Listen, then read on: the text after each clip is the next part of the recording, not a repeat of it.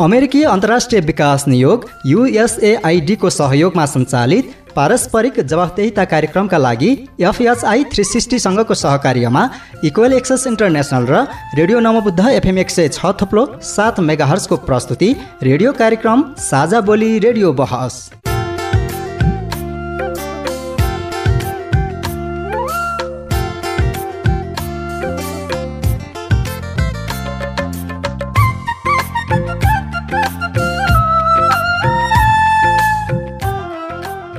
नमस्कार साझा बोली रेडियो बहसमा तपाईँलाई स्वागत छ।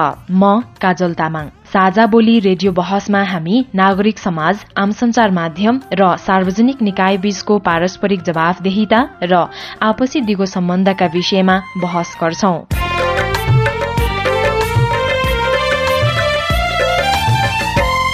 पारस्परिक जवाफदेहिताका क्षेत्रीय सवाल र परिवेश समेटेर तयार पारिएको साझा बोली रेडियो बहसको यो स्थानीय संस्करण हो। आजको साझा बोली रेडियो बहस रेडियो नमोबुद्ध एफएम एक सय छ थुप्लो सात मेगाहर्जले उत्पादन गरेको हो। यो कार्यक्रम सिन्धुपाल्चोक जिल्लाको रेडियो सिन्धु एक सय पाँच मेगाहर्ज नुवाकोट जिल्लाको रेडियो जालपा एक सय चार दशमलव पाँच मेगाहर्ज र रसुवा जिल्लाको रेडियो लाङटाङ नब्बे थोप्लो तीन मेगाहर्जबाट पनि सुन्न सकिन्छ। जवाफदेहिताको राष्ट्रिय सवालमा नीति र कार्यान्वयनको समन्वय गर्ने साझा बोली रेडियो बहसको केन्द्रीय संस्करण इक्वेल एक्सेस इन्टरनेशनलले काठमाडौँमा उत्पादन गर्छ। साझा बोलीका दुवै संस्करणहरू तपाईँले हरेक हप्ता यसै समयमा सुन्न सक्नुहुन्छ।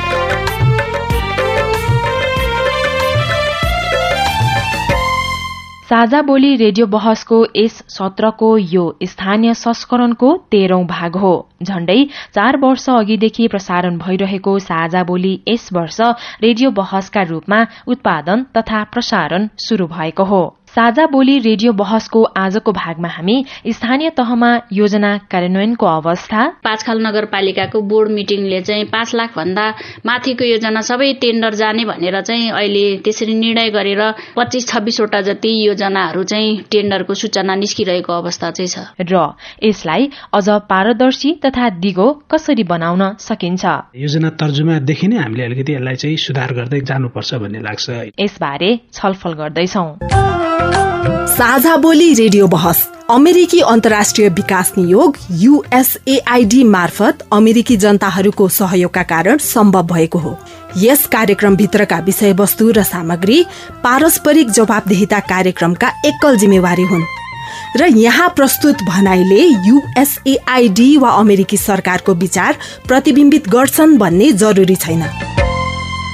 स्थानीय तहमा योजना कार्यान्वयन नेपालको संविधानले नेपालको संघीय शासन व्यवस्थामा संघ प्रदेश र स्थानीय तहको सरकारको व्यवस्था गरेको छ। तीनै तहका सरकारले अधिकार र कार्यक्षेत्र तोकेको छ। स्थानीय तहलाई आर्थिक सामाजिक पर्यावरणीय विकास तथा सेवा प्रवाहको विषयमा जिम्मेवार बनाइएको छ। स्थानीय सरकार सञ्चालन ऐन दुई हजार चौहत्तरले स्थानीय तहहरूको आवधिक योजना तर्जुमा कार्यान्वयन अनुगमन मूल्याङ्कन गर्दै लाभको समन्यायिक वितरण गर्नुपर्ने उल्लेख गरेको छ।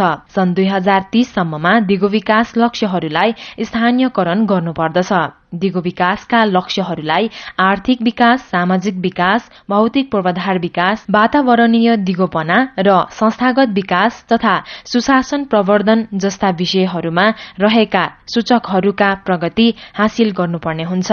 साझा बोली रेडियो बहसमा अब हामी आजको छलफलतर्फ लागौं। स्थानीय तहमा योजना कार्यान्वयनको अवस्था र यसलाई अझ पारदर्शी तथा दिगो कसरी बनाउन सकिन्छ भन्ने विषयमा छलफलका लागि यतिखेर हाम्रो स्टुडियोमा उपस्थित भइसक्नु भएको छ। काभ्रेको पाँचखाल नगरपालिकाका उपप्रमुख लक्ष्मी धनवार र दिगो विकासका लागि राष्ट्रिय अभियान नेपालका कार्यकारी निर्देशक दया सागर श्रेष्ठ। सबैभन्दा पहिले स्थानीय तहमा योजना कार्यान्वयनको अवस्था आजकाल के छ? लक्ष्मीजी तपाईँबाटै शुरू गरौं न। अहिले हामीले पाँचखाल नगरपालिकाको बोर्ड मिटिङले चाहिँ पाँच लाख भन्दा माथिको योजना सबै टेन्डर जाने भनेर चाहिँ अहिले त्यसरी निर्णय गरेर पछिल्लो चरणमा त्यो यो आर्थिक वर्षमा त्यसरी लागिरहेका छौँ र अहिले हाम्रो पच्चिस छब्बिसवटा जति योजनाहरू चाहिँ टेन्डरको सूचना निस्किरहेको अवस्था चाहिँ छ। यता हामीसँग दया सागरजी पनि हुनुहुन्छ। स्थानीय तहमा यो योजनाहरू छनौटको प्रक्रियामा चाहिँ नागरिक सहभागिता चाहिँ कस्तो पाउनु भएको छ दया सागरजी यहाँले योजना तर्जुमा गर्ने अब हाम्रो यो प्लानिङ प्रोसेसमा जम्मा सातवटा स्टेप्सहरू छ होइन। अब त्यसमा चाहिँ टोलदेखि नै होइन अब छलफल गर्दै योजनाहरू छनौट गर्दै माथि आउनुपर्ने हुन्छ। त्यस पछाडि गाउँसभा नगरसभाले पास गर्ने होइन त्यो खालको अभ्यासहरू छ। तर हामीलाई चाहिँ यो अब अहिले झन्डै पाँच वर्ष पुरा हुन लाग्यो होइन यो निर्वाचित जनप्रतिनिधिहरूको कार्यकाल। हामीलाई के अनुभव भइरहेको छ भने अब जति मात्रामा चाहिँ अब नागरिकहरूको होइन नागरिक सङ्घ संस्थाहरूको र खास गरी सीमान्तकृत समुदायहरूको चाहिँ योजना तर्जुमा प्रक्रियामा योजना छनौट प्रक्रियामा जति राम्रो सहभागिता हुनुपर्ने हो त्यो चाहिँ अलिकति हामीले सहभागिता कम हो कि भन्ने जस्तो हामीले देखिराखेका छौँ होइन। खास गरी सीमान्तकृत समुदायहरूको चाहिँ त्यहाँ सहभागिता हुनुपर्छ है प्रतिनिधित्व हुनुपर्छ भन्ने कुरा स्पष्ट व्यवस्था छ कि? हाम्रो स्थानीय सरकार सञ्चालनमा तर इन प्र्याक्टिस होइन। त्यो कुराहरू चाहिँ कार्यान्वयन हुन सकिरहेको छैन कि भन्ने हामीलाई लागेको छ। अनि लक्ष्मीजी दयासागरजीले भन्नुभएको जस्तै नागरिक सहभागिता अलिक कम नै भएको हो त? मलाई जहाँसम्म लाग्छ यो चाहिँ कम भएको त्यस्तो त छैन। हामीले नि वडाको रोबरमा चाहिँ ल्याउनुपर्छ त्यसपछि सातवटा स्टेप चाहिँ पार गर्नुपर्छ भनेर हामीले अग्रिम निर्देशनै गरेका हुन्छौँ र जब यो कोभिडको भन्दा अगाडि चाहिँ हामीले सातवटा स्टेप नै पार गरेर गएका थियौँ किन त भन्दा हामीले सबैको घर घर पुग्न सकेका थिएनौँ तर टोलमा चाहिँ पुगेर योजनाहरू सङ्कलन चाहिँ भएको थियो। कोभिडको कारणले गर्दाखेरि चाहिँ हामीले पक्कै पनि उहाँले भन्नुभएको जस्तै हामी गाउँ नागरिकहरूको टोलमा पुग्न सकिरहेका छैनौँ। त्यहाँ पनि हामीले सूचनाहरू टाँसेर के छ त योजना यहाँहरूलाई के समस्या छ हामी कसरी अगाडि बढ्न सक्छौँ यहाँहरूको सल्लाह सुझाव पनि आओस् र योजना पनि त्यहाँबाट छनौट भएर आओस् भनेर चाहिँ हामीले फोन मार्फत अथवा निवेदन मार्फत अथवा कुनै पनि व्यक्तिहरूको मार्फत अथवा वडा सदस्य मार्फत चाहिँ हामीले त्यो योजनाहरू चाहिँ कलेक्सन गरेर आर्थिक वर्षमा चाहिँ हामी अगाडि बढेका थियौँ। योजना छनौट भइसकेको छ अब कार्यान्वयनको प्रक्रियाहरू पनि सुरु हुँदैछ। यसको लागि चाहिँ अझै पनि नागरिक सहभागिताको कुराहरू हुन सक्छ अथवा स्थानीय तहहरू या तपाईँहरू जस्तै यो नागरिक समाजको भूमिका चाहिँ अहिलेको अवस्थामा पनि कस्तो भयो भने चाहिँ अझ राम्रो हुन्छ त दया सागरजी यसमा यस्तो छ अब नागरिक सङ्घ संस्थाहरूले कसरी सहयोग गर्छ भन्दाखेरि यसको दुई तिनवटा भूमिका हुन्छ होइन। अब एउटा त उनीहरूले अब स्थानीय सरकारहरूले गरेको जस्तै विभिन्न खालका चाहिँ विकास निर्माणका कामहरू अब बढी जस्तो सफ्टवेयर होइन हार्डवेयरको कामहरू नागरिक संस्थाहरूले त्यति गर्दैन गर्नु पनि हुँदैन होइन। सफ्टवेयरका कामहरू होइन यस्ता कामहरूमा चाहिँ नागरिक संस्थाहरूले सहयोग गर्न सक्छ होइन। एउटा त्यो रह्यो। दोस्रो चाहिँ अब नागरिक संस्थाहरूको भूमिका भनेको अलिकति यो निगरानीकर्ताको भूमिका खेल्ने खेल्ने नै हो होइन। खास गरी स्थानीय सरकारहरू जो चाहिँ अब ड्युटी बेयरर्स भन्छु होइन अब उहाँहरूकोले गरेको कामहरू होइन अब प्रभावकारी छ छैन होइन अब नीतिसँग छ कि छैन जनमुखी छ कि छैन भन्ने कुराहरू निगरानी गर्ने अनि उहाँहरूलाई जवाबदेही बनाउने कुराहरू नै नागरिक सङ्घ संस्थाहरूको भूमिका हो होइन? अब यो दुईटा विषयमा चाहिँ नागरिक सङ्घ संस्थाहरूले चाहिँ भूमिका खेल्न सक्नु पर्दछ होइन? अब सैद्धान्तिक रूपमा हिसाबले हामीले हेर्दाखेरि त्यही नै हो अब भूमिका योजनाको कार्यान्वयनको विषयमा कुरा गर्दाखेरि। लक्ष्मीजी अहिले योजना कार्यान्वयन सुरु भइसकेको छ। यहाँले भन्नुभयो अनुसार टेन्डरको प्रक्रियाहरू पनि सुरु गरिसक्नु भएको छ यहाँहरूको पालिकामा। र विशेष त अब ठुला आयोजनाहरू टेन्डर मार्फत र साना चाहिँ उपभोक्ता समिति मार्फत पनि गर्नुपर्ने हुन्छ। त्यसको लागि चाहिँ के के हुँदैछ उपभोक्ता समितिको चाहिँ? पहिला चाहिँ हामी यो टेन्डर सूचना निकालेर जाने त्यस पछाडि चाहिँ हामीले अब यो पहिलो चरणमा हामीले पच्चिस छब्बिसवटा योजनाहरूको सूचना निकालेका छौँ भने अझ बाँकी छ। गाउँ टोलमा पनि जान पर्यो त्यसपछि के कसरी लगेर जाने भनेर त्यहाँ नागरिकलाई इन्भल्भ गराएर पनि त्यो के भन्छ इस्टिमेटहरू गरेर ल्याउनु पर्यो। त्यो भएको कारणले गर्दाखेरि चाहिँ हामीले पहिला टेन्डरको काम चाहिँ सकाउँछौँ त्यसपछि मात्रै उपभोक्ताको कामहरू चाहिँ अगाडि बढाएर लाने भनेर चाहिँ हाम्रो प्लानमा रहेको छ। यसै क्रममा उपभोक्ता समिति मार्फत गरिरहेको कामहरू कस्तो पाउनु भएको छ भनेर मैले सामुदायिक सारथीका कार्यक्रम व्यवस्थापक अनिल खनाललाई सोधेको छु। त्यो आवाज म तपाईँहरूलाई पनि सुनाउँछु है त। गाउँपालिका नगरपालिकाले चाहिँ अब आवश्यक सकिएको पन्ध्र दिनभित्र चाहिँ उपभोक्ता समिति मार्फत गर्ने काम कामहरूको कुन कुन उपायजना छन् भन्ने बारेमा पहिचान पहिचान गरेर त्यो अनुसार चाहिँ प्रक्रिया थाल्नु पर्ने त्यो प्रक्रियाहरू त्यति सुरु भएको अवस्थाहरू छैन त्यसै गरी अब यो आयोजना विकास आयोजना सञ्चालन गर्दाखेरि तपाईँको नौ सातजनादेखि एघारजनासम्म समिति गठन गर्ने भन्ने कुराहरू पनि छ तर आयोजनाको संरक्षण त्यसमा आय तपाईँले त्यो सबै के अरे समितिहरू गठन गर्दाखेरि तपाईँ के छ भने सबै त्यसमा चाहिँ त्यहाँको महिलाको संरक्षण कुराहरू त्यहाँका पिछडिया वर्ग समावेशी कुराहरू हेर्दाखेरि सबै पुरुषै पुरुष भत्ता केही केही एकाधमा महिला मात्र भएका होइन। महिला जो पनि उपभोक्ता समिति गठन गर्दाखेरि महिलाको प्रतिनिधित्व महिलाको नेतृत्वको कुराहरू चाहिँ कम पर्ने गरेका चाहिँ हामीले अभ्यासमा पाएका छौँ। त्यस्तै गरी के छ भने उपभोक्ता समिति गठन सञ्चालन गठन भइसकेपछि पनि उहाँहरूलाई चाहिँ त्यसो भने यसको एउटा कानुनी प्रावधानहरूको उपका कानुनी प्रावधानहरू हुन्छन् अनि कसरी सञ्चालन गर्ने के गर्ने के कस्ता गतिविधिहरू सञ्चालन गर्नुपर्ने हुन्छ र कसरी रिपोर्ट तयार गर्ने यसका कानुनी प्रक्रिया के छन् भन्ने बारेमा चाहिँ उपभोक्ता समितिहरूलाई चाहिँ राम्रोसँग ओरिएन्टेसन नगरेको हो कि भन्ने हामीले चाहिँ अनुभव गरेका छौँ। उपभोक्ता समिति कुन आयोजनाका लागि गठन गर्ने हो होइन कुनै विकास कार्यक्रम गर्न जो जो आयोजना विकास कार्यक्रम गर्नुभन्दा सात दिन अगाडि नै ल यो आयोजना विकास कार्यक्रम सञ्चालन गर्दैछ यहाँनिर सबैजना भेला हुनुपर्छ भनेर उहाँहरूसँग उपभोक्ता समितिहरू सबैजना बसेर छलफल गरेर त्यो आयोजनाको बारेमा चाहिँ राम्रोसँग कार्ययोजनाहरू बनाउन सक्यो भने त्यो चाहिँ एउटा सिगो पनि हुन्छ राम्रो पनि हुन्छ किनभने सबै सबैले त्यो आयोजनाको बारेमा थाहा पनि हुन्छ। यो उपभोक्ता समिति आफैमा एउटा वैज्ञानिक पनि छ त्यसले गर्दाखेरि सबैजना उपभोक्ता आफैले जो जो जुन आयोजनाको गर्ने व्यक्ति हो त्यो आफै नै आयोजनामा बस्ने भएको हुनाले गर्दाखेरि त्यसको दिगोपना पनि राम्रो हुन्छ उनीहरूले अनुगमन गर्छन् आफ्नो लागि पर्ने आयोजनाको बारेमा सदैव सदस्य रहन्छन् अनुगमन गर्छन् त्यहाँनिर। त्यसले गर्दाखेरि चाहिँ के छ भने कम्तीमा पनि यो गठन प्रक्रियामा अलिकति पारदर्शिता गरिदिनुपर्छ सबैले होइन? त्यसमा चाहिँ अलिक समावेशी टाइपको पनि गर्नु पर्यो आयोजनाहरू निर्माण गर्दाखेरि विकास समितिहरू निर्माण गर्दाखेरि समावेशी हुनु पर्यो र त्यसपछि सबैलाई थाहा हुने हिसाबले कार्यक्रम अगाडि बढ्दाखेरि यो एकदमै राम्रो कन्सेन्ट हो यसलाई अगाडि बढ्नुपर्छ। र त्यसरी जाँदाखेरि चाहिँ राम्रो हुन्छ जस्तो लाग्छ मलाई। कुनै कुनै पनि व्यक्ति विशेषलाई होइन कि त्यहाँ कुनै पनि पार्टीगत कुराहरू अथवा कुनै पनि ग्रुप भन्दा पनि होइन एउटा आयोजना पहिला त आयोजना विकास उपभोक्ता समितिबाट सञ्चालन गर्ने आयोजना पहिचान हुनु पर्यो होइन? त्यो समिति पहिचान भइसकेपछि त्यसलाई गठन प्रक्रियालाई पारदर्शी बनाउनु पर्यो। त्यो आयोजनाको छनौट गर्दाखेरि पनि जुन उपभोक्ता गरेर गरिन्छ उहाँहरूलाई चाहिँ के छ भने एउटा चाहिँ राम्रो ढङ्गबाट चाहिँ कसरी सञ्चालन गर्ने के गर्ने भनेर समिति पहिला के छ भने जानकारी गराएर मात्रै त्यो गराउनु पर्ने हुन्छ होइन? अनि अर्को कुरा चाहिँ के छ भने समितिलाई चाहिँ उहाँहरूले ओरिएन्टेसन पनि दिनुपर्ने हुन्छ। जो उपभोक्ता समिति गठन गर्नुहुन्छ गठन गरेपछि कसरी रिपोर्टिङ गर्ने कागजपत्र कसरी तयार गर्ने होइन? त्यसको प्रक्रियाहरू के छन् भन्ने कतिपय अवस्थामा चाहिँ कानुनी प्रावधान थाहा नभएकोले पनि बेरोजु धेरै देखिएका अवस्था छ। उपभोक्ता समिति मार्फत गरेका कामहरूमा बेरोजु देखिएको छ। त्यो बेरोजु भनेको अनियमितता भन्ने भन्न खोजेको होइन। त्यो बेरोजु भनेको चाहिँ कागजपत्रहरू जस्तो रिपोर्ट दिनुपर्ने हुन्छ। रिपोर्ट पेस नगरेको कुनै एउटा कागजपत्र छुटेको होइन? त्यो जुन चाहिँ समयमा पेस गर्नु पनि नगरेकोले गर्दाखेरि बेरोजु देखिएका हुन्छन्। त्यसले गर्दाखेरि सुरुमै उहाँहरूलाई एउटा गठन गठन हुँदैछ। गठन प्रक्रिया एउटा सर्वप्रथम त के छ भने समावेशी बनाउने कोसिस गर्नुपर्छ जहिले पनि त्यसलाई के अरे उपभोक्ता समितिलाई समावेशी बनाऊ। होइन त्यो अर्को अरू कुरा के छ भने उपभोक्ता समिति गठन गरिसकेपछि उहाँहरूलाई चाहिँ एक किसिमको ओरिएन्टेसन दिनुपर्छ। कानुनी रूपमा चाहिँ के कस्तो प्रावधान हुन्छन् कहिलेसम्म सक्ने के गर्ने किनभने अन्तिममा जहिले पनि के छ भने उपभोक्ता समिति भनेको असारमा असार लाग्ने बेला भएपछि मात्र तातेको अवस्थाहरू धेरै हामीले देखिरहेका छौँ अनुभव गरिरहेको छौँ। त्यसले गर्दाखेरि एउटा निश्चित टाइम तोकेर उहाँहरूले चाहिँ समयमा सम्पन्न गर्नको लागि चाहिँ गर्नु छ। हामीले समयमा नै उहाँ झकेयौँ भने उहाँलाई अउन्टेसन दियौँ भने पक्कै पनि त्यो राम्रो पनि हुन्छ जस्तो लाग्छ। सामुदायिक सारथीका कार्यक्रम व्यवस्थापक अनिल खनालको कुरा त हामीले सुन्यौं। उपभोक्ता समितिले गरिरहेको कामहरू तपाईँले चाहिँ कस्तो पाउनु भएको छ दयासागरजी?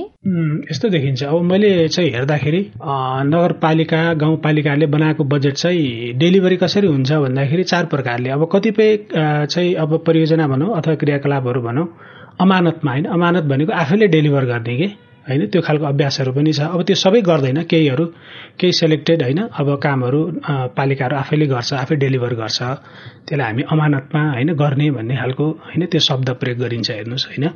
अब दोस्रो भनेको अब कतिपय चाहिँ कसै कन्स्ट्रक्सनका प्रोजेक्टहरू होइन? अब ती प्रोजेक्टहरू चाहिँ उहाँहरूले चाहिँ अब टेन्डरहरू होइन आह्वान गर्ने र कन्ट्र्याक्टरहरू मार्फत होइन ठेकदारहरू मार्फत त्यो कामहरू गर्ने खालका अभ्यासहरू छन्। अब कतिपय योजनाहरू चाहिँ उपभोक्ता समितिहरू मार्फत पनि होइन त्यो सञ्चालन हुन्छ र कतिपय योजनाहरू चाहिँ हाम्रो स्थानीय सङ्घ संस्थाहरू होइन टोल विकास समितिहरू उनीहरू मार्फत पनि गर्न सकिन्छ होइन। त्यो खालको गर्ने खालको अभ्यासहरू पनि हामी देखिराखेका छौँ होइन। अब यो चारवटा चाहिँ होइन चारवटा चाहिँ तरिकाबाट चाहिँ योजनाहरू कार्यान्वयन हुन सक्छ। अब यसमा के देखिन्छ भनेदेखि अब अमानतको तर त्यसमा समस्या भएन होइन? अब अलिकति उपभोक्ता समिति अहिले अस्ति हामीले एउटा स्टडी गरेका थियौँ त्यसमा के देख्यौँ झन्डै झन्डै हाम्रो लोकल गभर्मेन्टमा चाहिँ जाने टोटल बजेटको चाहिँ टु थर्ड होइन? झन्डै दुई तिहाई जति बजेटहरू चाहिँ उपभोक्ता समितिहरू मार्फत खर्च हुँदो रहेछ कि? उपभोक्ता समिति मार्फत खर्च हुँदो रहेछ। अनि त्यो अब यसमा उपभोक्ता समितिहरूमा चाहिँ अलिकति हामीले केही समस्याहरू देखेका छौँ होइन? अब यसमा धेरै कुराहरू कि अब मैले के भनौँ भनेदेखि अब उपभोक्ता समिति कसरी बन्छ भन्ने कुरामा पनि कतिपय ठाउँमा समस्या देखिन्छ कि होइन? उपभोक्ता समिति कसरी बन्छ त्यहाँ को बन्छ को बस्छन् होइन? त्यो कतिको ट्रान्सपेरेन्ट छ भन्दाखेरि भन्ने कुराहरूमा पनि अलिकति त्यहाँ केही सुधार गर्नुपर्ने कुराहरू देखिन्छ। अनि उनीहरूले गर्ने कामहरूमा पनि अब हामीले कतिपय योजनाहरू यस्ता देख्छौँ उनीहरू उपभोक्ता समिति छ तर उनीहरूले ठेकदारलाई दिन्छन् जिम्मा हेर्नुहोस्। है त्यस्तो खालको अभ्यासहरू पनि देखिराखेका छौँ। अब उपभोक्ता समितिकोले कति काम गर्न सक्छ कतिसम्म गर्न सक्दैन भन्ने विषयमा चाहिँ रिभ्यू गर्नुपर्ने चाहिँ बेला आएको छ कि? किनभने अब हार्डवेयरका कामहरू त्यसमा जहाँ चाहिँ हेभी इक्विपमेन्ट्सहरू युज हुन्छ होइन ती कामहरू उपभोक्ता समितिले गर्न सक्दैनन्। होइन उपभोक्ता समितिले गर्न नसक्ने हो भनेदेखि हामी ठेकदारमाथि गर्नुपर्छ भन्ने विषयमा पनि जान सक्नुपर्छ होइन? तर अब ठेकदार मार्फत गरिने योजनाका कामहरूमा पनि नागरिकहरूको भूमिका हुनसक्छ त्यहाँ अनुगमनको भूमिका हुनसक्छ होइन? त्यहाँ उपभोक्ता समिति नभए पनि अनुगमन समितिहरू बनाएर होइन? कन्ट्राक्टरहरूले गरेको कामलाई चाहिँ होइन? मोनिटर गर्ने खालको अभ्यासहरू गर्न सकिन्छ है? एउटा त्यो पनि रह्यो। अब सङ्घ संस्थाहरू मार्फत चाहिँ अब त्यति हामीले गरेको देखिँदैन खास गरी कतिपय चाहिँ अब सफ्टवेयरका कामहरू तालिमहरू होला यस्ता यस्ता होइन? योजनाहरू चाहिँ सङ्घ संस्थाहरूलाई पनि हामीले नगरपालिकाहरूले अब कसैलाई चाहिँ अब आफ्नो होइन? एउटा नेगोसिएसनमा पनि गरेको देखिन्छ। कतिपयले चाहिँ प्रतिस्पर्धा गराएर सङ्घ संस्थालाई होइन बोलाएर पनि होइन कतिपय कामहरू गरेको पनि देखिन्छ। कतिपय ठाउँमा चाहिँ अब टोल विकास संस्थाहरू छ। टोल विकास संस्था भनेको अब टोलको एउटा इन्स्टिट्युसनहरू हो होइन। उनीहरू मार्फत पनि गर्न सकिन्छ। त्यो गर्न नसकिने भन्ने होइन होइन। उपभोक्ता समिति नै बनाउनुपर्छ भन्ने जरुरी छैन होइन। सानातिना योजनाहरू टोल विकास समिति लेभलको होइन उनीहरूले आफूले गर्न सक्ने योजनाहरू उनीहरू मार्फत पनि कार्यान्वयन गर्न सकिन्छ होइन। यो चारवटा अभ्यासबाट चाहिँ गर्नुपर्छ होइन। अब अलिकति उपभोक्ता समिति मार्फत गर्ने कामहरूमा चाहिँ अलिकति रिभ्यू गर्नुपर्छ। लक्ष्मीजी तपाईँहरूकोमा चाहिँ अहिले उपभोक्ता समिति गठन गर्दा चाहिँ यहाँले सुरुमा के के गर्नुहुन्छ? उपभोक्ता बिच केही समस्या हो कि भन्ने लागेर पनि हामी पाँचखाल नगरपालिकाले पाँच लाखदेखिको माथिको सबै योजनाहरू चाहिँ टेन्डरबाट जाने भनेर लागिरहेका छौँ। किन त भन्दा त्यस ठाउँमा चाहिँ जसै उपभोक्ताले गरिरहेको काममा पनि यो ठेक्का नै दिने चलन देखियो। त्यो भएको कारणले गर्दा उहाँहरूले उपभोक्ताबाट गर्दा पनि ठेक्कै दिने हो। अब नगरपालिकाले दिँदा पनि ठेक्कै दिने हो। त्यहाँ चाहिँ केही पैसा पैसा रकम चाहिँ बच्छ नि त भन्ने उद्देश्य पनि रहेको कारणले गर्दा हामीले चाहिँ ठेक्का मार्फत चाहिँ यो कामहरू अगाडि बढाइरहेका छौँ। र अर्को चाहिँ उपभोक्ता समिति गठन गर्दै गर्दाखेरि चाहिँ हामीले जस्तै अब पाँच लाखभन्दा तलको योजनाहरूलाई चाहिँ हामीले उपभोक्ता मार्फत गर्ने भनेका छौँ। र गत वर्षदेखि गत वर्ष पनि हामीले पन्ध्र लाखभन्दा माथिको योजना चाहिँ ठेक्काबाट गरेका थियौँ भने अहिले चाहिँ धेरै समस्याहरू आयो। त्यसभित्र चाहिँ किन त भन्दा तपाईँको ठेक्कामा दिने अनि त्यसपछि रकम काम गर्दै गर्दाखेरि पनि रकमहरू चाहिँ नपुग्ने आउने अनि मेरो उप प्रमुख उपप्रमुखलाई चाहिँ होइन हामीलाई चाहिँ घाटा लाग्यो यसो गर्नु पर्यो उसो गर्नु पर्यो भनेर त्यस्ता खालका धेरै समस्याहरू भएको कारणले गर्दाखेरि पनि हामी टेन्डर मार्फत गयौँ र उपभोक्ता समिति गठन गर्दै गर्दा पनि हामीले एउटा टोलमा चाहिँ यो फलानु योजना छ है त्यो योजनाको चाहिँ आज उपभोक्ता समिति गठन गर्ने भनेर गाउँ त्यो टोलभरिका व्यक्तिहरूलाई चाहिँ हामीले भेला गरेर त्यहाँ ओडाको रोबरमा जस्तै ओडा अध्यक्ष हुनसक्छ ओडा सदस्य ओडा सचिवको रोबरमा चाहिँ हामीले त्यहाँ समिति गठन गरेर ल्याउने। त्यहाँ चाहिँ महिलाको सङ्ख्या चाहिँ तेत्तिस पर्सेन्ट पुग्नुपर्ने त्यस्तो खालको चरणहरू पनि पुरा गर्नुपर्ने। अनि त्यसभित्र चाहिँ सूचनाहरू आउट हुनपर्ने माइनोटिङका कुरादेखि लिएर विभिन्न खालका कुराले गर्दाखेरि चाहिँ हामी त्यसरी बनाएर जान्छौँ र उपभोक्ता समिति गठन भइसके पश्चात चाहिँ हामीले फेरि भोलि कागजी प्रक्रियामा पनि समस्या आउने भएको कारणले गर्दा चाहिँ त्यो उपभोक्ता समिति बने पश्चात चाहिँ फेरि नगरपालिकाको प्राविधिकहरू गएर चाहिँ हामीले त्यो ट्रेनिङहरू सञ्चालन गरेर अनि त्यसपछि मात्रै कार्यान्वयनको चरणमा जाने गरेका छौँ हामी पाँचखाल नगरपालिका चाहिँ। दया सागरजी तपाईँहरूले काम गरिरहँदाखेरि अथवा तपाईँले नै यसो हेर्दाखेरि स्थानीय तहहरूमा त्यसरी नै काम भइरहेको पाउनु भएको छ त? मलाई सबभन्दा राम्रो के लाग्यो भने भर्खर उमेरज्यूले भन्नुभयो नि होइन अब जुन उपभोक्ता समिति बनाउने उपभोक्ता समितिहरूलाई तालिम दिने होइन उनीहरूले कामहरू गर्नु असाध्यै राम्रो अभ्यास हो। त्यो दिनै पर्छ होइन तर त्यो सबै ठाउँमा हामीले देखिरहेको छैनौँ। उपभोक्ता समिति बनायो अब उनीहरूलाई चाहिँ छोडिदिएको छ। अब त्यहाँ चाहिँ अब उपभोक्ता समिति बनाउनलाई अब तेत्तिस पर्सेन्ट अनि फेरि त्यो पोर्टफोलियोमा पनि महिलाहरू रहनु पर्ने होइन? कतिपय पालिकाहरूले चाहिँ अब उपभोक्ता समिति मार्फत कसरी काम गर्ने भन्ने विषयमा चाहिँ कुनै कार्यविधिहरू बनाएर होइन त्यो खालको अभ्यासहरू पनि अगाडि बढेको छ होइन? तर अब उपभोक्ता समितिहरू मार्फत काम गर्ने हो भनेदेखि एउटा ध्यान दिनुपर्ने मैले के देखेको छु भने एउटा त अब उपभोक्ता समिति कसरी बन्छ बनाउने भन्ने कुराहरूमै त्यही नै हाम्रो अलिकति हामीले इन्टरभेन्सन गर्नुपर्छ होइन? त्यहाँ चाहिँ सबै उपभोक्ताहरू बोलाएर होइन? कुनै पनि नछुटोस्। केही भेस्टेड इन्ट्रेस्ट भएका मान्छेहरू अथवा पार्टी नजिकका मान्छेहरूलाई खुसी पारो भन्ने हिसाबले अथवा पार्टीको भाग बन्ना होइन यस्ता यस्ता विभिन्न खालका चाहिँ अभ्यासहरू देखिन्छ कि? दोस्रो चाहिँ उपभोक्ता समितिहरू बनिसकेपछि उनीहरूलाई राम्रो ट्रेनिङहरू दिनु जरुरी छ। कसरी काम गर्ने? र तेस्रो कुरा के छ भने उपभोक्ता समिति भनेको त्यसले भोलिन्टेरी काम गर्ने हो। होइन उनीहरू जागिरे होइनन् होइन त्यसले गर्दा उनीहरूलाई अपरेसनल कस्टहरू दिनुपर्छ भन्ने हो। सधैँ मान्छेले भोलिन्टेरली काम गर्न सक्दैन। त्यसले गर्दा उनीहरूलाई अलिकति अपरेसनको कस्टहरू हामीले दिनुपर्छ। चौथो चाहिँ हाम्रो टेक्निकल एकदम सुपरभिजन असाध्य जरुरी छ। कामहरू होइन कन्स्ट्रक्सन कामहरू जुन हामीले डिजाइन गर्दाखेरि जसरी गरिएको थियो नि त्यो अनुसार भइरहेको छ कि छैन उनीहरूलाई खालि मोनिटर गर्ने मात्रै होइन कि उनीहरूलाई चाहिँ सपोर्ट पनि गर्ने हो। अर्को चाहिँ मैले देखेको सस्टेनेबिलिटीका कुराहरू योजनाहरू सकिन्छ। योजना सक्यो उपभोक्ता समिति सक्यो। म त त्यसलाई उपभोक्ता समिति नै भन्दिनँ। निर्माण समिति हो। अहिले हामीले जति पनि बनाइरहेको छु नि होइन उनीहरू उपभोक्ता समिति होइनन् तिनीहरू। निर्माण चाहिँ निर्माण गरी सिद्धियो। उपभोक्ता समिति त त्यो निर्माणको काम सकिसकेपछि पनि त्यो रहनुपर्छ। यसरी यो उपभोक्ता समिति मार्फत गर्ने कामहरू चाहिँ त्यसरी सुधार गर्नुपर्छ।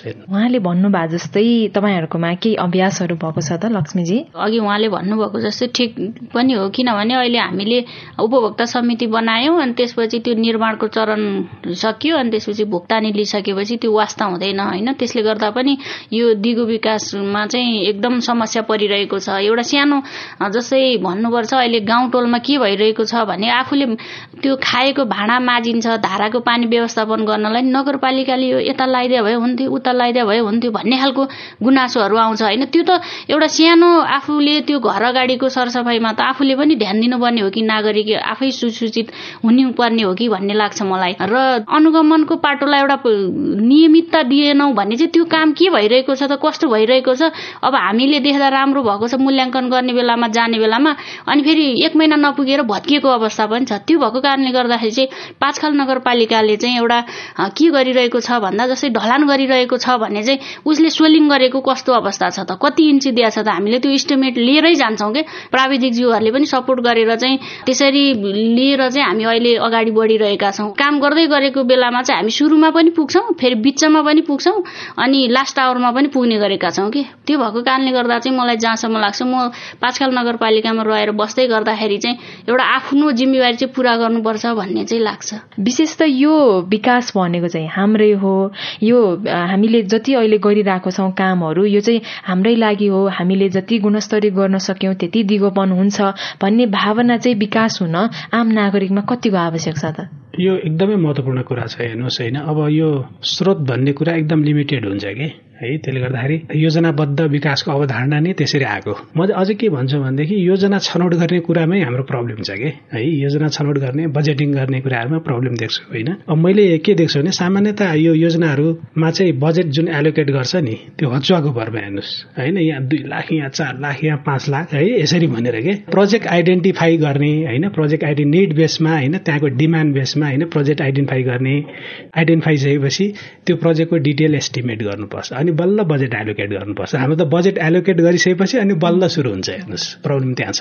है हाम्रो किन काम क्वालिटीको हुँदैन? भन्दाखेरि त्यहाँ हुँदैन हेर्नुहोस् होइन? योजना तर्जुमा गर्ने बजेटिङ गर्ने प्र्याक्टिसहरू छ नि। त्यसमै सुधार गर्नुपर्छ हेर्नुहोस्। यदि हामीले चाहिँ सस्टेनेबल तरिकाले चाहिँ होइन विकासका कामहरू गर्ने हो भनेदेखि मैले त्यही नै देख्छु होइन? अब मोनिटरिङ यो इम्प्लिमेन्टेसनको चाहिँ मैले के देख्छु भने अब जस्तै हाम्रो वार्षिक योजना बजेट कार्यक्रमहरू पास भयो होइन? सभाले पास गरेपछि त्यसलाई एक वर्षभरि त्यसको हामीले क्यालेन्डर बनाउनु पर्छ हेर्नुहोस्। इम्प्लिमेन्टेसन हाम्रो क्यालेन्डर बनाउनुपर्छ। त्यो प्रायः कुनै पनि पालिकाहरूले बनाएको देखिँदैन तर मैले एक दुईवटा पालिकाहरूले चाहिँ त्यो अभ्यास गर्न सुरु गरेको देखि देख्छु कि होइन? अब चाहिँ बजेट बनायो यतिखेर हामी टेन्डरिङ गर्ने यतिखेर चाहिँ हामीले उपभोक्ता समितिसँग एग्रिमेन्ट गर्ने होइन? यसरी प्रोजेक्टहरू सकिन्छ। फेरि अब प्रोजेक्टको भोल्युम अनुसार अझ प्रोजेक्टको साइज अनुसार त्यसको अवधि पनि हुन्छ हेर्नुहोस् होइन?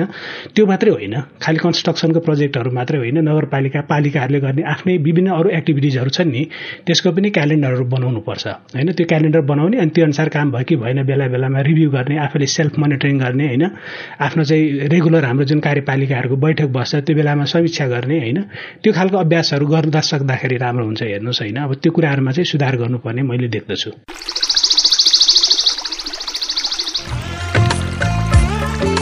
प्रश्न परिवर्तनको सुरुवात हो। जवाफ रूपान्तरणको आधार हो। प्रश्न आविष्कारको जननी हो। जवाफ सुशासनको परिणाम हो। त्यसैले प्रश्न सोधौं जवाफ खोजौं। तपाईँले हामीलाई पैसा नलाग्ने नम्बरमा फोन गरेर आफ्ना कुराहरू भन्न सक्नुहुन्छ। एनसेल प्रयोग गर्नुहुन्छ भने अन्ठानब्बे शून्य पन्ध्र एकहत्तर शून्य उन्तिसमा फोन गर्न सक्नुहुन्छ।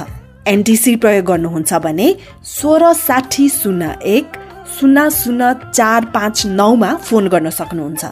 अथवा बोली साझा at the rate Gmail dot com b o l i s a j h a at the rate Gmail dot कममा इमेल गरेर वा मेरो रिपोर्ट र साझा बोलीको फेसबुक युट्युब ट्विटर टिकटक पोस्टहरूमा सेयर लाइक वा कमेन्ट गरेर पनि आफ्ना कुराहरू भन्नु सक्नुहुन्छ। पारस्परिक जवाफदेहिताका लागि प्रश्न सोधौँ जवाफ खोजौँ। साझा बोली रेडियो बहस। तपाईँ अहिले पारस्परिक जवाफदेहिता प्रवर्धनका लागि साझा बोली रेडियो बहस सुन्दै हुनुहुन्छ। स्थानीय तहमा योजना कार्यान्वयनको अवस्था र यसलाई अझ पारदर्शी तथा दिगो बनाउन हामीले के गर्नुपर्ला यसैबारे आज हामी छलफल गरिरहेका छौं। हामीसँग छलफलमा हुनुहुन्छ काभ्रेको पाँचखाल नगरपालिकाका उपप्रमुख लक्ष्मी दनवार र दिगो विकासका लागि राष्ट्रिय अभियान नेपालका कार्यकारी निर्देशक दया सागर श्रेष्ठ। यतिन्जेलको छलफलमा बजेट विनियोजन गरेपछि योजना बनाउनु भन्दा पनि योजना अनुसारको बजेट विनियोजन गरेमा दिगो र प्रभावकारी हुने कुरामा हामी सहमत भएका छौं। अनि लक्ष्मीजी विकास निर्माणका कामहरू जति पनि भइरहेका छन् तिनमा पारदर्शिता चाहिँ कतिको पाउनु भएको छ? धन्यवाद। यहाँले महत्त्वपूर्ण कुरा उठाउनु भएको छ। यो योजनाको कामहरू गर्दै गर्दाखेरि चाहिँ यो पारदर्शिता जवाफदेहिताको कुरा चाहिँ एकदम महत्त्वपूर्ण हुन्छ।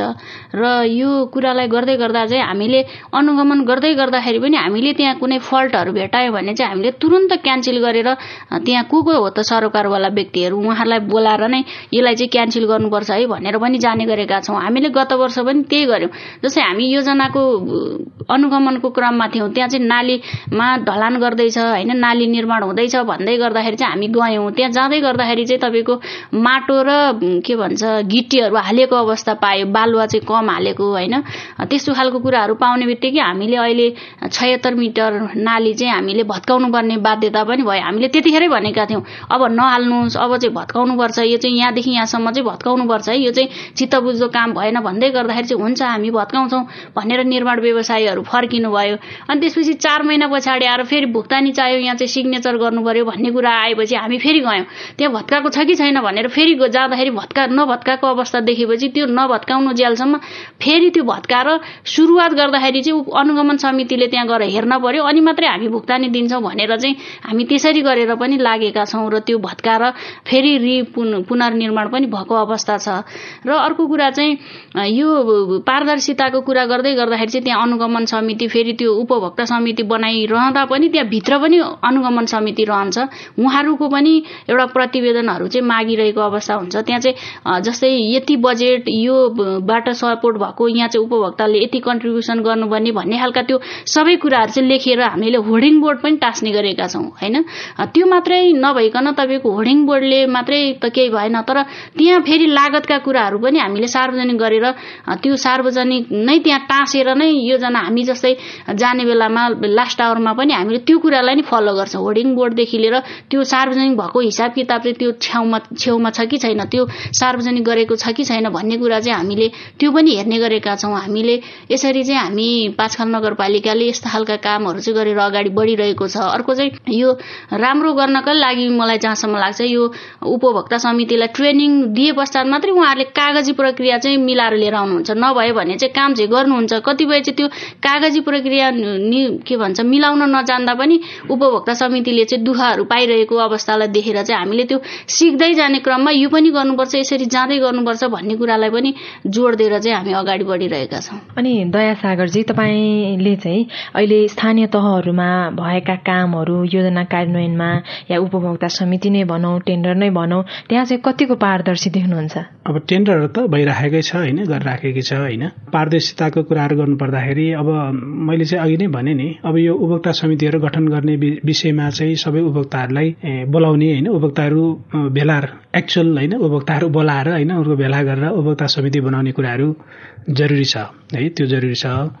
दोस्रो कुरो चाहिँ अब उपभोक्ता समितिहरूभित्रको पनि ट्रान्सपेरेन्सीका कुराहरू उपभोक्ता समितिभित्रको है कार्य समितिभित्र हेर्नुहोस्। अब त्यहाँ कहिलेकाहीँ हामी के देख्छौँ उपभोक्ता समितिहरूको बिचकै साथीहरूको बिचमा कन्फ्लिक्ट के होइन? अब किनभने जहाँ चाहिँ ट्रस्ट हुँदैन जहाँ मान्छेमा होइन ट्रान्सपेरेन्सी अथवा होइन त्यो नभइसकेपछि त्यहाँभित्र कन्फ्लिक्ट हुन्छ हेर्नुहोस् है? अब हाम्रो उपभोक्ता समिति कतिमा देखिन्छ भने खै अब यो के के गर्छ गर्छ अध्यक्ष सचिवले हामीलाई केही थाहा हुँदैन भन्ने खालको गुनासोहरू पनि देखिन्छ हेर्नुहोस् होइन? अब उपभोक्ता समितिकै साथीहरू होइन? अब उपभोक्ता अनि उपभोक्ता समितिहरू बनाइसकेपछि फेरि उपभोक्ता र उपभोक्ता समितिहरूको बिचको कम्युनिकेसन ग्याप होइन? त्यो पनि देख्छौँ कि? होइन? उपभोक्ता समिति बनायो त्यस पछाडि कमसेकम पनि अब उनीहरूले त्यो योजनाहरूको बिचमा एकपटक मिड टर्म रिभ्यू गर्ने त्यस पछाडि होइन फाइनल अब अहिले चाहिँ कस्तो छ भनेदेखि अब हाम्रो यो पब्लिक अडिटहरू गर्ने अभ्यासहरू पनि अलिकति कम भएको हो कि जस्तो लाग्छ मलाई होइन?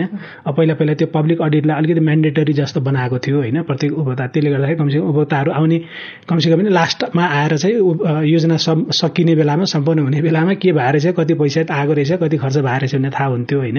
त्यसलाई चाहिँ अलिकति म्यान्डेटरी नै बनाउनु पर्छ हेर्नुहोस् होइन। अब त्यो त्यो छ। अब अरू अरू टेक्निक्सहरू पनि होइन। अब जस्तै पब्लिक हियरिङका कामहरू होइन। यता यस्ता खालका अभ्यासहरू पनि हामीले प्रोत्साहन गर्न जरुरी छ। अब होर्डिङ बोर्डको कुराहरू चाहिँ राखेको देखिन्छ। राखिन्छ। तर अलि अझै सुसूचित हुने कुराहरू नागरिकलाई सुसूचित गर्ने कुराहरूमा चाहिँ अझै हामीले चाहिँ थप सुधारहरू गर्नुपर्छ कि भन्ने लाग्छ मलाई चाहिँ। कतिपय ठाउँमा हामीले बुझ्दाखेरि पनि उपभोक्ता समिति गठन गरेर काम सुरु भइसकेका हुन्छ तर त्यहीँको उपभोक्ताहरूलाई चाहिँ यो समिति कहिले गठन भयो भन्ने कुरा पनि कतिपय ठाउँमा चाहिँ थाहा नभएको अवस्था छ। तर यसरी हेरिरहँदाखेरि पाँचखाल नगरपालिकाले चाहिँ यो उपभोक्ता समितिहरू गठन गर्नुभन्दा अगाडि सूचनाहरू चाहिँ कसरी दिने गर्नुभएको छ?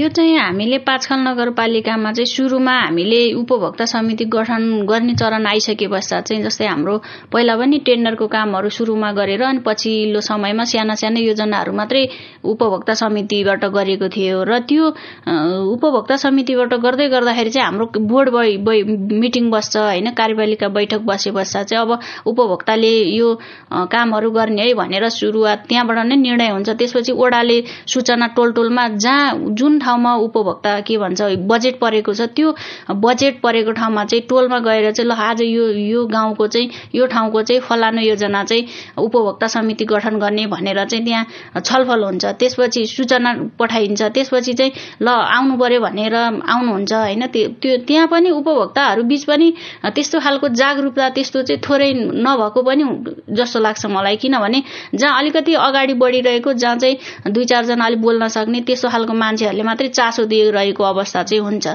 तैपनि त्यो सूचना गर्दै गर्दाखेरि चाहिँ त्यो उपभोक्ता समिति बनाउँदै गर्दाखेरि चाहिँ हामीले त्यसरी सूचनाको मार्फत फेरि गाउँको टोलले मात्रै पनि उपभोक्ता समिति बनाएर लिएर आयो भने हामीले मान्यता दिने गरेका छैनौँ। त्यहाँ चाहिँ माइनोटमै हुनुपर्छ।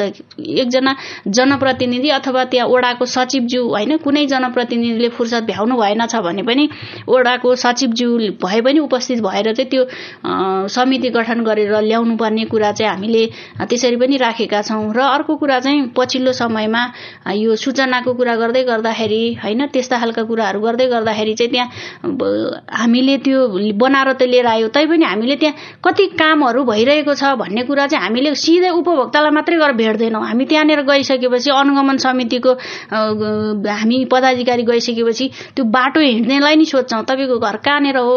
अनि यहाँ काम गरेको थाहा पाउनु भएछ। अनि जेसिबी कति घन्टा लाग्यो? होइन? अनि कति टिप्पर चाहिँ बालुवा झार्नु भएको छ त भनेर हामी छ त्यो टेन्डर भइसके पश्चात पनि हामीले त्यो कामको अनुभव पनि हुन्छ होइन? त्यसले गर्दाखेरि चाहिँ कति बजेट लाग्दो रहेछ टेन्टिभली टेन्डरमा गर्दा कस्तो हुँदो रहेछ भनेर हामीले त्यो आकलन गर्नको लागि पनि हामीले त्यहाँ कुराहरू गरिरहेका हुन्छौँ होइन? अनि उहाँहरूले सूचना पाएअनुसार चाहिँ भनिदिनुहुन्छ हामीलाई। अनि त्यसपछि टेन्डर मार्फत चाहिँ अनि हामीले त्यो जिल्ला दर रेट अनि त्यस्तो कुराहरूलाई चाहिँ हामीले सुझाव दिन पनि सकेका छौँ क्या अहिले पछिल्लो समयमा चाहिँ। किन त भन्दा धेरै अहिले हेर्दै गर्दाखेरि पनि योजनाहरू काम गर्दै गर्दाखेरि चाहिँ धेरै नाफा हुने ठाउँ भनेको चाहिँ ग्राभेल र त्यो माटो कटिङ हुन्छ नि हो। त्यस्तोमा चाहिँ थोरै नाफा बस्दो रहेछ होइन? अहिले हाम्रो मूल्याङ्कन अनुसार चाहिँ अहिले हामीले गरेको अनुगमन मूल्याङ्कनको आधारमा हेर्दै गर्दाखेरि चाहिँ हामीले त्यो पनि पायौँ। अनि त्यसपछि हामीले त्यो इस्टिमेट भन्दा बढी काम गरेको छ होइन? जस्तै कुनै पनि त्यो निर्माण व्यवसायले चाहिँ के अरे यो भनेको भन्दा इस्टिमेटमा भन्दा बढी काम गरेको छ भने चाहिँ हामीले त्यो इस्टिमेट चेन्ज गर्न दिने दिएका छैनौँ कि? अहिले पछिल्लो चरणमा। किनभने कटिङ र ग्राभेलमा चाहिँ धेरै गऱ्यो भने त्यो चाहिँ कुनै पनि हालतमा चेन्ज हुँदैन है भनेर चाहिँ हामी त्यसरी पनि अडानको रूपमा चाहिँ गएका छौँ। त्यसले गर्दा पनि अलिक सहज भएको हो कि भन्ने चाहिँ लाग्छ।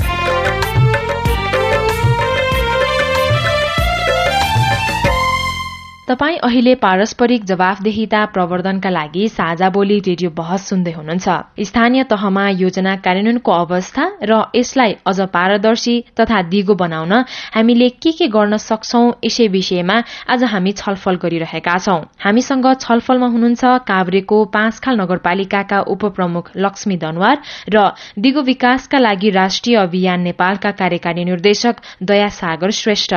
विकास निर्माणको कामका लागि उपभोक्ता समिति गठन र यसको प्रभावकारिताको कुरा हामीले गरिरहँदा काभ्रेको मण्डन देवपुर नगरपालिकाले टोल विकास संस्था मार्फत विभिन्न विकास निर्माणको कामहरू गरिरहेको अनुभव सुनाउनुहुन्छ नगरपालिकाका प्रवक्ता दिल्ली प्रसाद आचार्य। टोल विकास संस्था भनिसकेपछि एउटा ओडाभित्रको एउटा स्थायी मिनी सरकार जस्तो पनि हुने र उसले आफ्नो योजनाहरूको पनि अभिलेख राख्ने कुराहरू गर्ने र योजनाहरू मैले गरेको काम हो मेरो दायित्व हुन्छ अर्को वर्ष पनि हामीले काम गर्नुपर्छ भनेपछि योजनाहरूको संरक्षण गर्ने कामहरू पनि टोल विकास संस्थाले गर्ने हुनाले गर्दाखेरि उपभोक्ता समिति भन्दा टोल विकास संस्था विकास निर्माणको सवालले काम गर्ने सवालले आफ्नो बस्तीको विकासको हिसाबले र हरेक कुराहरूको जान पहिचान पनि उसले आफूले गर्ने हुनाले गर्दा अत्यन्त उत्तम मानिएको छ र यो टोल विकास संस्था हुँदाखेरि त्यहाँभित्र रहेका मान्छेहरूमा अझ लागत सहभागिता जुटाएर काम गर्ने कुराहरू पनि अझ बढ्दो रहेछ। किन भन्दाखेरि उनीहरूलाई विकास निर्माणको हौसला हुने। अब हामी यो काम गर्छौँ भनिसकेपछि नगरपालिकासँग सरकारसँग यति पैसा छ भनेपछि के पैसा हामी जुटाएर काम गर्छौँ भन्ने पनि हिसाबले जाने हुनाले गर्दा र अब अलिकति उत्तरदायित्व र योजनाहरूको व्यवस्थित गर्ने दिगोपना टोल विकास संस्थाले दिने हुनाले यो टोल विकास संस्था भइसकेपछि उसले गरेको काम यो मेरो आफ्नै योजना हो आफ्नै काम हो भन्ने उसले सम्झने कुराहरू पनि हुन्छ।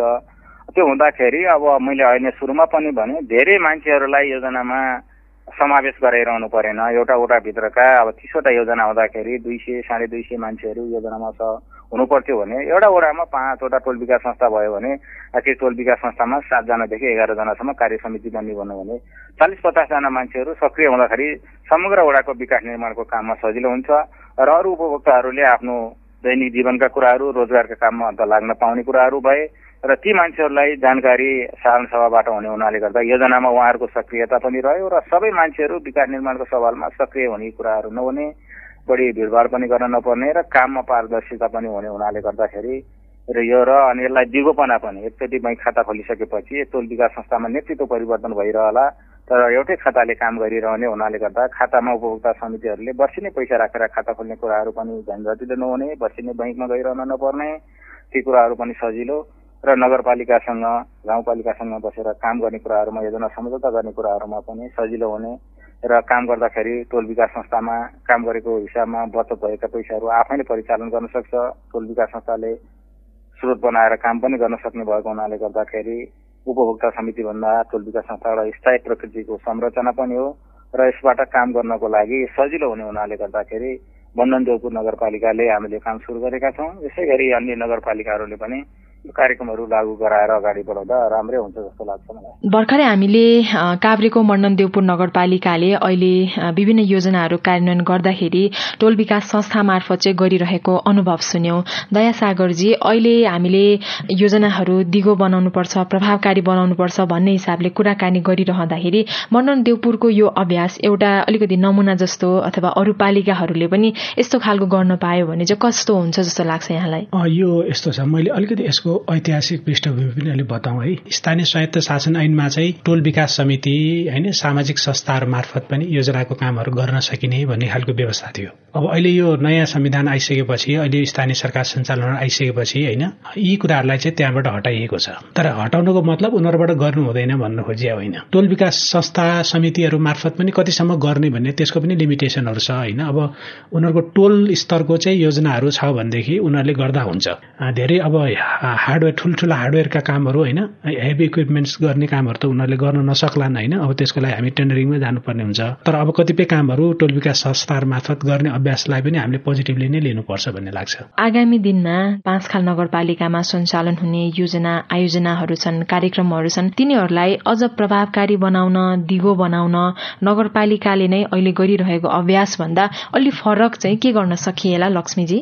योभन्दा फरक अभ्यास भन्ने बित्तिकै हामीले चाहिँ अझ अझ नागरिकहरूलाई सुसूचित गर्नुपर्ने हो कि भन्ने लाग्छ एउटा होइन? अर्को चाहिँ योजनाहरू बनाएर गइरहेका हुन्छौँ टेन्डरका कामहरू बनाएर गइरहेका हुन्छौँ। हाम्रा नागरिकहरू पनि एउटा सुसूचित नभएर ए टेन्डरले गरे त नि गरोस् न त भनेर आफ्नै टोलमा भइरहेको कामहरू पनि आफूले चासो दिएर रहेका छैनौँ होइन? हामी व्यस्त पनि भएर होला सायद हामी विकास निर्माणमा त्यति धेरै चासो नदिनु भएको विकास निर्माणलाई दिगो विकास गर्नको लागि होइन दिगो रूपमा सञ्चालन गर्नको लागि चाहिँ उपभोक्ता समिति निर्माण समिति होइन कि उपभोक्ता नै समिति भएर जानुपर्छ अगाडि होइन। त्यहाँ चाहिँ भोलि बाटो बनिरहेको छ त्यहाँ चाहिँ वरिपरि चाहिँ ठुलो झाडीहरू पलाइरहेको छ भने चाहिँ त्यो झाडीहरू चाहिँ त्यही उपभोक्ता समिति मार्फत नै काट्न सकोस् फाड्न सकोस् होइन।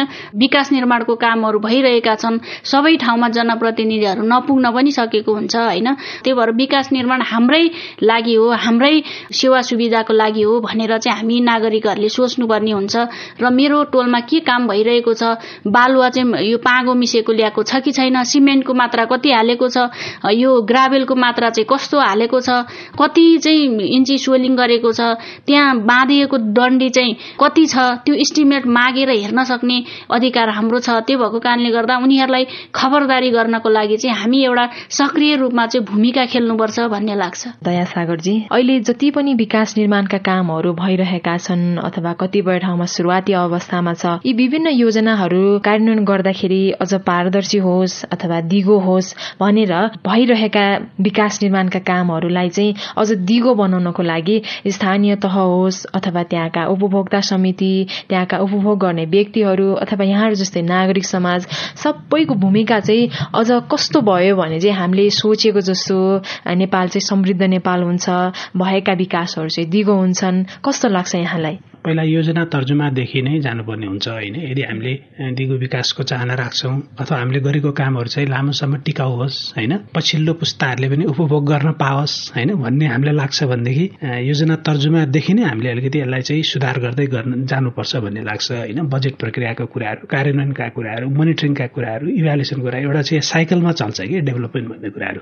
होइन? त्यो सबै साइकलको प्रत्येक स्टेप्समा हामीले चाहिँ समीक्षा गर्न जरुरी छ कहाँ कहाँ ग्याप छ भन्ने कुराहरू होइन? मैले के के कुराहरू त अहिले मैले आफ्ना कुराहरू राखि पनि सकेको छु होइन। अब यसमा अलिकति जनप्रतिनिधिहरूको भूमिकाको कुरा गर्नुपर्दाखेरि अब उहाँहरू भनेको नेतृत्व जनताले होइन एउटा विश्वासका साथ उहाँलाई जिताएर पठाएको व्यक्तित्वहरू हुनुहुन्छ होइन। अब यसमा अब जस्तै हाम्रो मैले अलिकति यो पालिका लेभलको कुरा गर्नुपर्दाखेरि अब उपाध्यक्ष उपमेयरज्यूहरूको चाहिँ होइन उहाँहरूको अध्यक्षतामा अनुगमन समितिहरू रहने खालको व्यवस्थाहरू छ होइन। मेरो एउटा सुझाव के छ भनेदेखि हाम्रो ओडा समितिका साथीहरूलाई पनि अलिकति जिम्मेवारीहरू दिनुपर्छ। तिम्रो गाउँको हो तिमीले हेर्ने भन्ने एउटा जिम्मेवारीहरू पनि दिने उनीहरूलाई त्यो योजनै के हो? होइन कति बजेट एलोकेट गरिएको छ त्यो कहिले सक्ने भनिएको छ होइन त्यो कसरी कार्यान्वयन गर्ने भनिएको छ कुन क्वालिटीको काम गर्ने भनिएको छ होइन ती कुराहरूको बारेमा उनीहरूलाई मिनिमम नलेजहरू चाहिँ दिनै पर्छ। अनि दोस्रो मैले देखेको चाहिँ अलिकति नागरिकहरूको चाहिँ भूमिकालाई अलिकति प्रवर्धन गर्नै पर्छ। यस्ता खालका कुराहरू जरुरी छ। अलिकति अनि सुपरभिजनको पार्टहरूमा होइन सबै खालका विकास निर्माण कामहरूमा सुपर सुपरभिजन गर्ने कुराहरूमा अब हामीले उपभोक्ता समितिकै सानातिनो कन्स्ट्रक्सनको कामहरू गर्दाखेरि पनि सुपरभाइजर राख्न सकिन्छ कि? उनीहरूलाई थोरै हामीले मिनिमम पैसाहरू होइन सानो केही आर्थिक सहयोग गर्दाखेरि लोकल मान्छेलाई थोरै भए पनि उनीहरूले केही न केही पकेट मनी भए पनि पाउँछ हेर्नुहोस् होइन।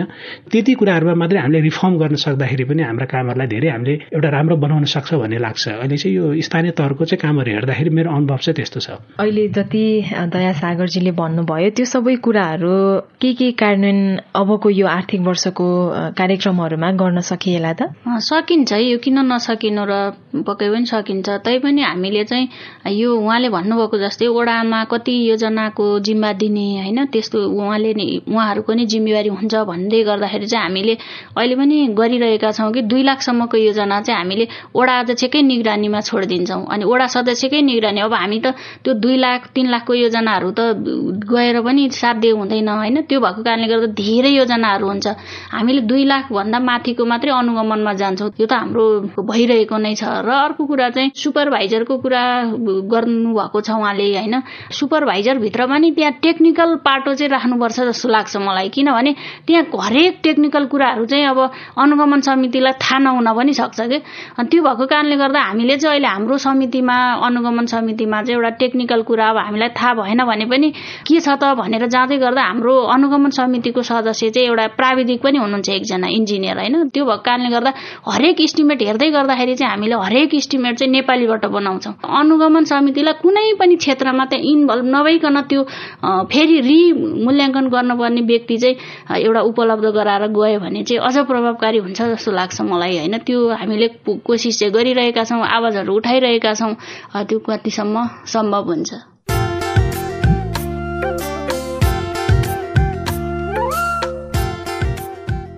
यिनै छलफलसँगै साझा बोली रेडियो बहसको अन्त्यमा हामी आइपुगेका छौं।